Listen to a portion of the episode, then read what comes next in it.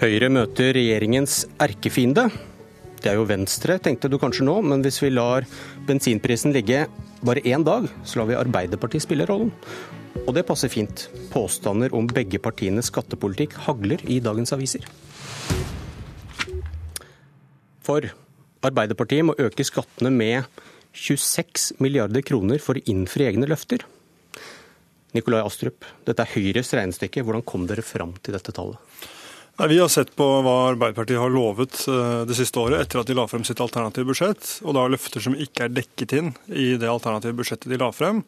Et budsjett for øvrig som, hvor de allerede la opp til minst 10 milliarder kroner i skatte, skatteøkninger. Um, og eh, så ser vi at eh, et minimumsanslag for å dekke inn de løftene de her har kommet med, i tillegg vil være at de må øke skattene med et sted mellom 25 og 33 uh, milliarder kroner. Gi et konkret eksempel.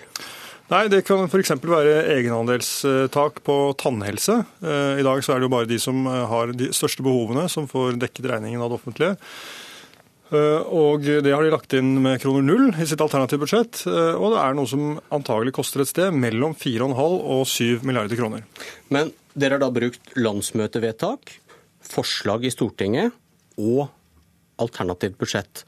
Men dere sammenligner kun da med tallene i alternativt budsjett når dere skal regne sammen, der de har prioritert og prioritert bort. Så dere sauser sammen, på godt norsk? Nei, jeg mener ikke vi gjør det. fordi uh, Aps uh, alternative budsjett det er det de hadde tenkt å gjøre hvis de satt med makten alene i 2016. Og så har de da i tillegg kommet med en rekke løfter som må dekkes inn i 2017-budsjettet. Uh, og skal man ta, altså, tro på de løftene, så betyr det enten at de må øke skattene betydelig eller at de må kutte i andre utgifter med tilsvarende summer. Og Da snakker vi om betydelige summer. Og jeg, jeg, jeg, kan, jeg kan, gjøre jeg hoder, hoderegning ja. her og nå på regjeringens politikk og finne ut at dere mangler 13 milliarder kroner For, eksempel, for å innfri ett av deres løfter. Kan du tenke deg hva det er? Jeg regner med at du kommer til å fortelle meg det nå, så ja. det, det, er veldig greit. Det kjent, eh, kjent eh, formuesskatten. Hvis man regner på den måten, så kommer jo dere ut i manko også. Dere har også lovet mye som dere ikke innfrir i deres budsjetter. Så kan du drive og sause sammen løfter på et landsmøte, i Stortinget og så sammenligne ja. med tallene i et budsjett? Jeg kan det, fordi Vi har sagt vi skal trappe ned eh, formuesskatten eh, på arbeidende kapital og på sikt eh, fjerne den. Det er, ikke begynn å ta, opp poenget. Det, ja, men det er vi i gang med. og Poenget er at det er tyd, en tydelig ambisjon som sier at vi går utover den inneværende stortingsperiode. og Vi er i gang med den jobben. Uh, men jeg, vi har ikke sagt vi skal gjøre det innenfor denne stortingsperioden. De løftene som Arbeiderpartiet kommer med her, det er ingen annen måte å tolke det på enn at de skal gjennomføre det i løpet av kommende stortingsperiode. Okay, det er i løpet av fire år, og det er 33 milliarder milliarder. Og vi vet jo at Arbeiderpartiet tidligere så har de gitt store løfter. De har valgt å avlyse dem. De var, lovte 12 000 sykehjemsplasser f.eks. De gjennomførte ikke det. De lovte fylle, å fylle opp ja, svømmebassengene. De gjorde ikke det. Hadia... Så det er selvfølgelig et annet alternativ for dem. Det er å bryte de løftene de nå kommer med. Hadia Tajik, nestleder i Arbeiderpartiet. Dere, dere øker altså skattene med 10 milliarder i deres alternative budsjett. og Høyre hevder dere må legge på minst 16 for å få regnestykket til å gå opp. Ja, Dette er bare tøys. Men det er helt herlig å se at det er Jan Tore Sanner som går ut med dette her i VG. Eh, nå har jo Sanner sprunget rundt i over et år og påstått at Arbeiderpartiet ikke har politikk. Men nå viser han jo både at vi har politikk, at vi har høye ambisjoner for du, du hva vi skal klare å gjennomføre. Eh, men for det første så er jo tallene her feil. Eh, han eh, foreslår, eh, altså Regnestykket baserer seg på at man faser inn alt på én gang. Vi i Arbeiderpartiet, når vi gjennomfører våre ambisjoner, så innfører vi de skrittvis, gradvis, på en skikkelig måte. Gi et konkret eksempel. Du har tatt tannhelse, som eh, dere har null, null, på til innfasing da, i deres alternative budsjett, tar, men som koster 4 milliarder. Jeg tar veldig gjerne et konkret eksempel. Et av de som de regner på, handler om fysisk aktivitet i skolen. Der eh, ligger det i vårt alternative budsjett 100 millioner kroner. I Høyre sitt regnestykke så er de oppe i 3,3 milliarder kroner. Nå vet jeg ikke hva det er de baserer tallene sine på, men man må vel nesten være medlem i Høyre for å komme fram til den type tall. Det høres jo nesten ut som at de vil at alle elevene skal få årskort på helsestudio.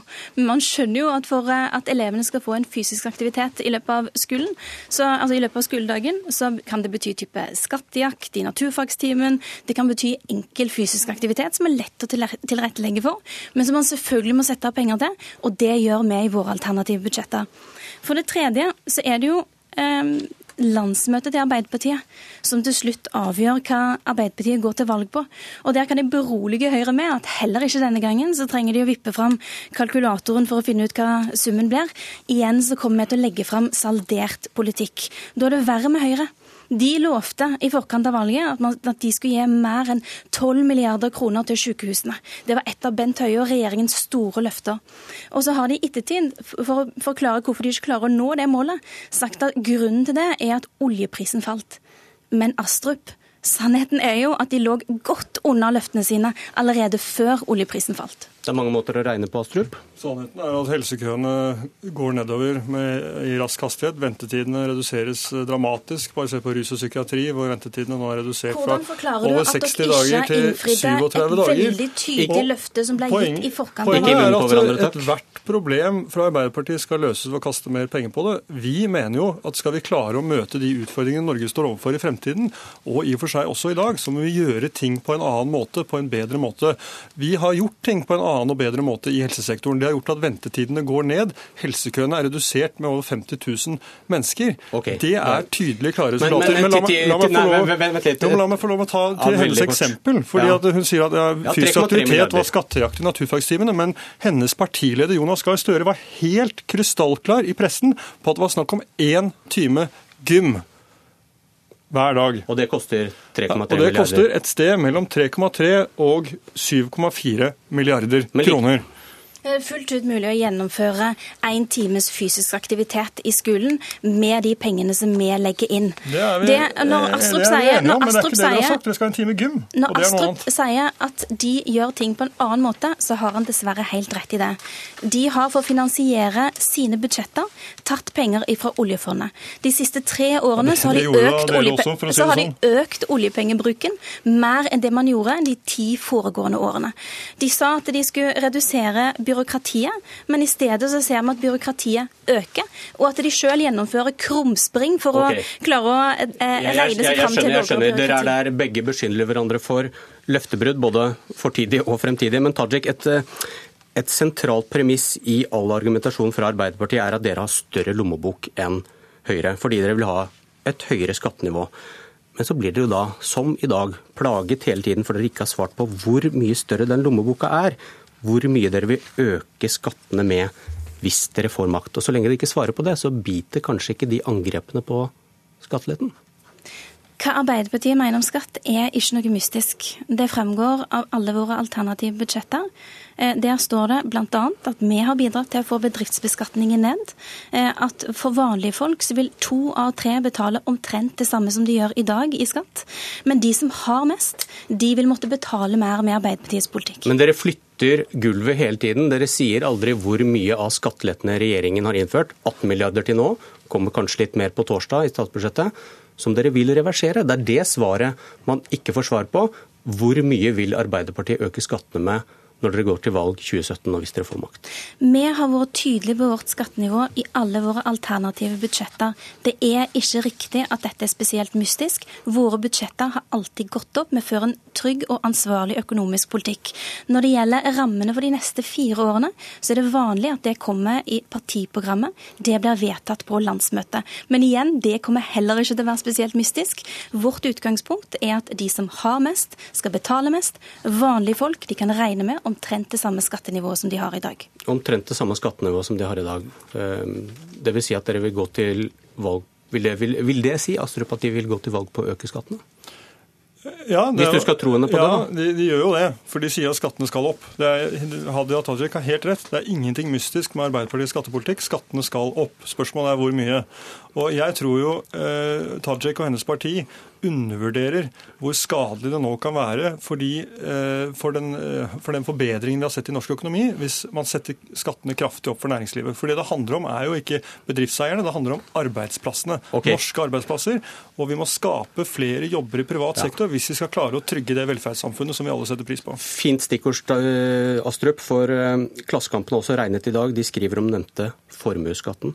Og Norges 50 rikeste vil få i snitt 20 millioner i skattelette av regjeringen denne perioden. Du liker kanskje Klassekampen bedre enn dagens VG? Tajik? Den viser i hvert fall veldig tydelig at den skattepolitikken som Høyre fører, eh, som jo allerede vet at ikke skaper flere arbeidsplasser, til tross for at de har prøvd å selge den som vekstfremmende, så har den ikke skapt en eneste ny arbeidsplass. I tillegg er den usosial. Altså Den skattepolitikken som de fører, den innebærer at vanlige folk har fått en, en skattelette på fem kroner dagen. Den har raskt blitt spist opp ved at de har bl.a.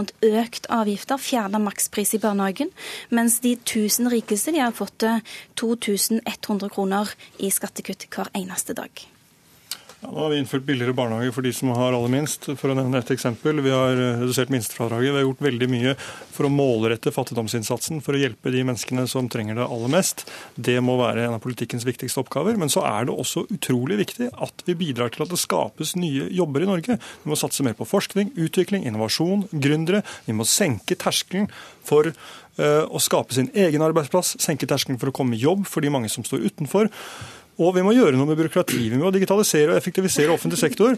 Og eh, Hadia Tajik nevnte i sted at eh, byråkratiet ikke er eh, redusert under vår tid.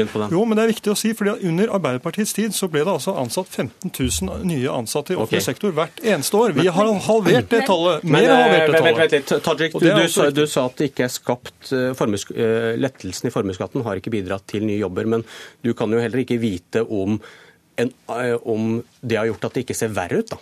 Du, det er bare en påstand fra din side også. Det vi i hvert fall vet, er at i løpet av de siste tre årene så har det knapt vært jobbvekst i dette landet. Den vesle veksten som man har sett, den har uh, vært innenfor offentlig sektor. Med andre ord så har den politikken som Astrup her fremfører, den har ført til at byråkratiet har økt, antall offentlig ansatte har økt. På sikt så er ikke dette bærekraftig for landet. Man trenger en politikk som forstår industrien, som forstår næringslivet, som skaper arbeidsplasser. Ja, og det er ikke Arbeiderpartiet. Og når Hadia Tajik kommer trekkende med dette, så vil jeg gjerne si tror hun virkelig at det å øke skattene med kanskje opp mot 30 milliarder kroner kommer til å skape en eneste ny arbeidsplass i privat sektor? Tvert om, det kan være nådestøtet for mange bedrifter som nå sliter. Og jeg vil også si okay. at når oljeprisen har gått fra 144 dollar på toppen under Stoltenbergs tid til under 50 dollar nå, så er det en helt annen situasjon. Og man kan altså ikke sammenligne epler og pærer. Og likte dere dette her, kjære lyttere? Vil dere måte. elske trontaledebatten? Takk skal dere ha. Magnus Takvam eh, setter seg ned, politisk kommentator i NRK. Eh, opposisjonens debatt er det kalt, trontaledebatten, eh, der Arbeiderpartiet skal angripe regjeringens politikk. Men, men vil, vil Høyres regnestykke i VG i dag gjøre at de kommer i en forsvarsposisjon?